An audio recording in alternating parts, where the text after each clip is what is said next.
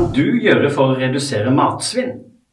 Hei, jeg er Gjerdknakken Rune fra gjerdknatt.com, og i dag skal jeg snakke om matsvinn.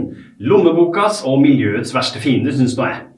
Industrien, dagligvarehandelen og vi forbrukere kaster minst 330 000 tonn mat hvert år. Ofte fokuseres det på matkjedene, men hva kan hver av oss gjøre for å redusere matsvinnet? Jeg har snakka om matsvinn mange ganger før, og stadig vekk oppfordrer jeg folk til å handle i butikker som selger overskuddsvarer og varer med kort holdbarhet, som f.eks. Holdbart, Havaristen og andre. I tillegg er en selvsagt en fan av redusert-hyllene hos Kiwi, Rema, Coop osv., der du kan redde varer før de havner i søpla i butikken. En gang la jeg ut et bilde av en sånn redusert-hylle fra Spar Karensfryd i Bergen, og spurte folk om de kjøper sånne varer. En person kommenterte at det er vel bare fattige og desperate folk som kjøper sånt. Godt mulig hun ikke mente det på den måten, men det var sånn mange oppfatta henne. La meg si det klart med en gang. Å kjøpe varer til redusert pris er bare fantastisk. Du sparer selv penger, og attpåtil gjør du miljøet en tjeneste. Vinn-vinn. Så enkelt er det. I gjennomsnittet går faktisk hver fjerde-femte bærepose med mat som vi kjøper i butikkene, rett i søpla. For en typisk familie innebærer det faktisk en sløsning av 20 000-30 000 kroner i året. Hva kan vi så gjøre for å redusere sløsinga? Ikke handle mer enn nødvendig. Dersom du planlegger hva du trenger, enten det er til frokost, lunsj, middag eller kveldsmat, vil du fort merke at du legger igjen færre kroner hos matkjedene. Stiller du med handleliste og forsøker å begrense deg til f.eks. en ukeshandel, blir det færre impulskjøp som fyller opp skuffer, skap og kjøleskap unødig med all verdens. Sørg også for at handleturen starter hjemme med litt å drikke og spise, så gnager ikke sulten mens du virrer rundt med handlevogna. Sjekk hva du har på lager fra før. Veit du egentlig hva som befinner seg i matlageret ditt? En ting er kjøleskapet, der kikker du jo stadig vekk. Men gjør du det samme i fryseren, spiskammerset eller bakerst i kjøkkenskapet? Dersom du virkelig vil ha stålkontroll på alt av matvarer, tørrvarer, hermetikk og sånt som befinner seg i husholdningen, kan du henge opp lister som viser hva du har, og få gjerne med utløpsdato, selv om den bare bør være veiledende. veit du. Det samme er supert å gjøre for fryseren. Lag en liste med hva du faktisk har der. Eller du kan være flink og merke bokser og poser, så du faktisk vet hva som befinner seg der. Bruk opp restene dine. Vi har stadig vekk restemiddager hjemme hos oss. Selvsagt forsøker vi å lage middagene sånn at det blir minst mulig til overs, hvis jeg da ikke bevisst går inn for å lage store porsjoner som skal fryses ned, sånn som jeg nesten alltid gjør det med supper f.eks. Og med litt god gammeldags middagsplanlegging er det bare kjekt å koke litt ekstra ris den ene dagen for å ha en tomatsuppe neste dag osv. Her er det bare fantasien som setter grensene.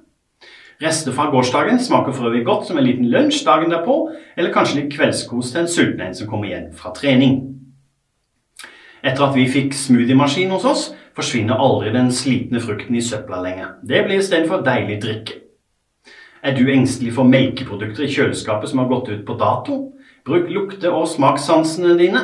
Som oftest går det helt fint å bruke varene f.eks. i vaffel- eller pannekakerøre. Det er utrolig hvor mye brød folk kaster. Faktisk nærmere 190 000 brød hver dag. Og det er lenge før brødet blir grønt og ekkelt. Det enkleste er vel å dytte brødskiva i toasteren, men hvorfor ikke lage ostesmørbrød, kavring, brødrasp, krutonger, bruschetta osv.? Mange baker sjøl og tar frem halve brød eller skiver fra fryseren etter hvert som behovet melder seg. Men det kan jo jammen de som kjøper kjøpebrød i butikken også. Bruk brødskjæremaskinen eller skjær sjøl hjemme, og del brødet opp i passende porsjoner før de fryses ned. Da sparer du også penger fremfor å kjøpe disse mindre brødene, som i praksis er dyre greier. Hjelp butikkene med å unngå å kaste mat. De fleste av oss håper vel at alle butikker har avtaler med veldedige organisasjoner om å hente mat som er i ferd med å gå ut på dato, men det virker jammen ikke sånn. Et tydelig bevis er jo alle dem som prøver seg på dumpster diving og har stor suksess med det. Jeg har tipsa om dumpster diving før, det hele dreier seg ganske enkelt om å avlegge containerne til butikken en visitt etter stengetid. Husk å ta med deg pose og hansker, og kanskje også en venn som kan hjelpe til. En vil jo ikke sitte fast i containeren, ikke sant? En annen ting du kan hjelpe butikkene med, er altså å kjøpe mat som er i ferd med å gå ut på dato. Flere kjeder plasserer varene sånn at du enkelt kan finne dem.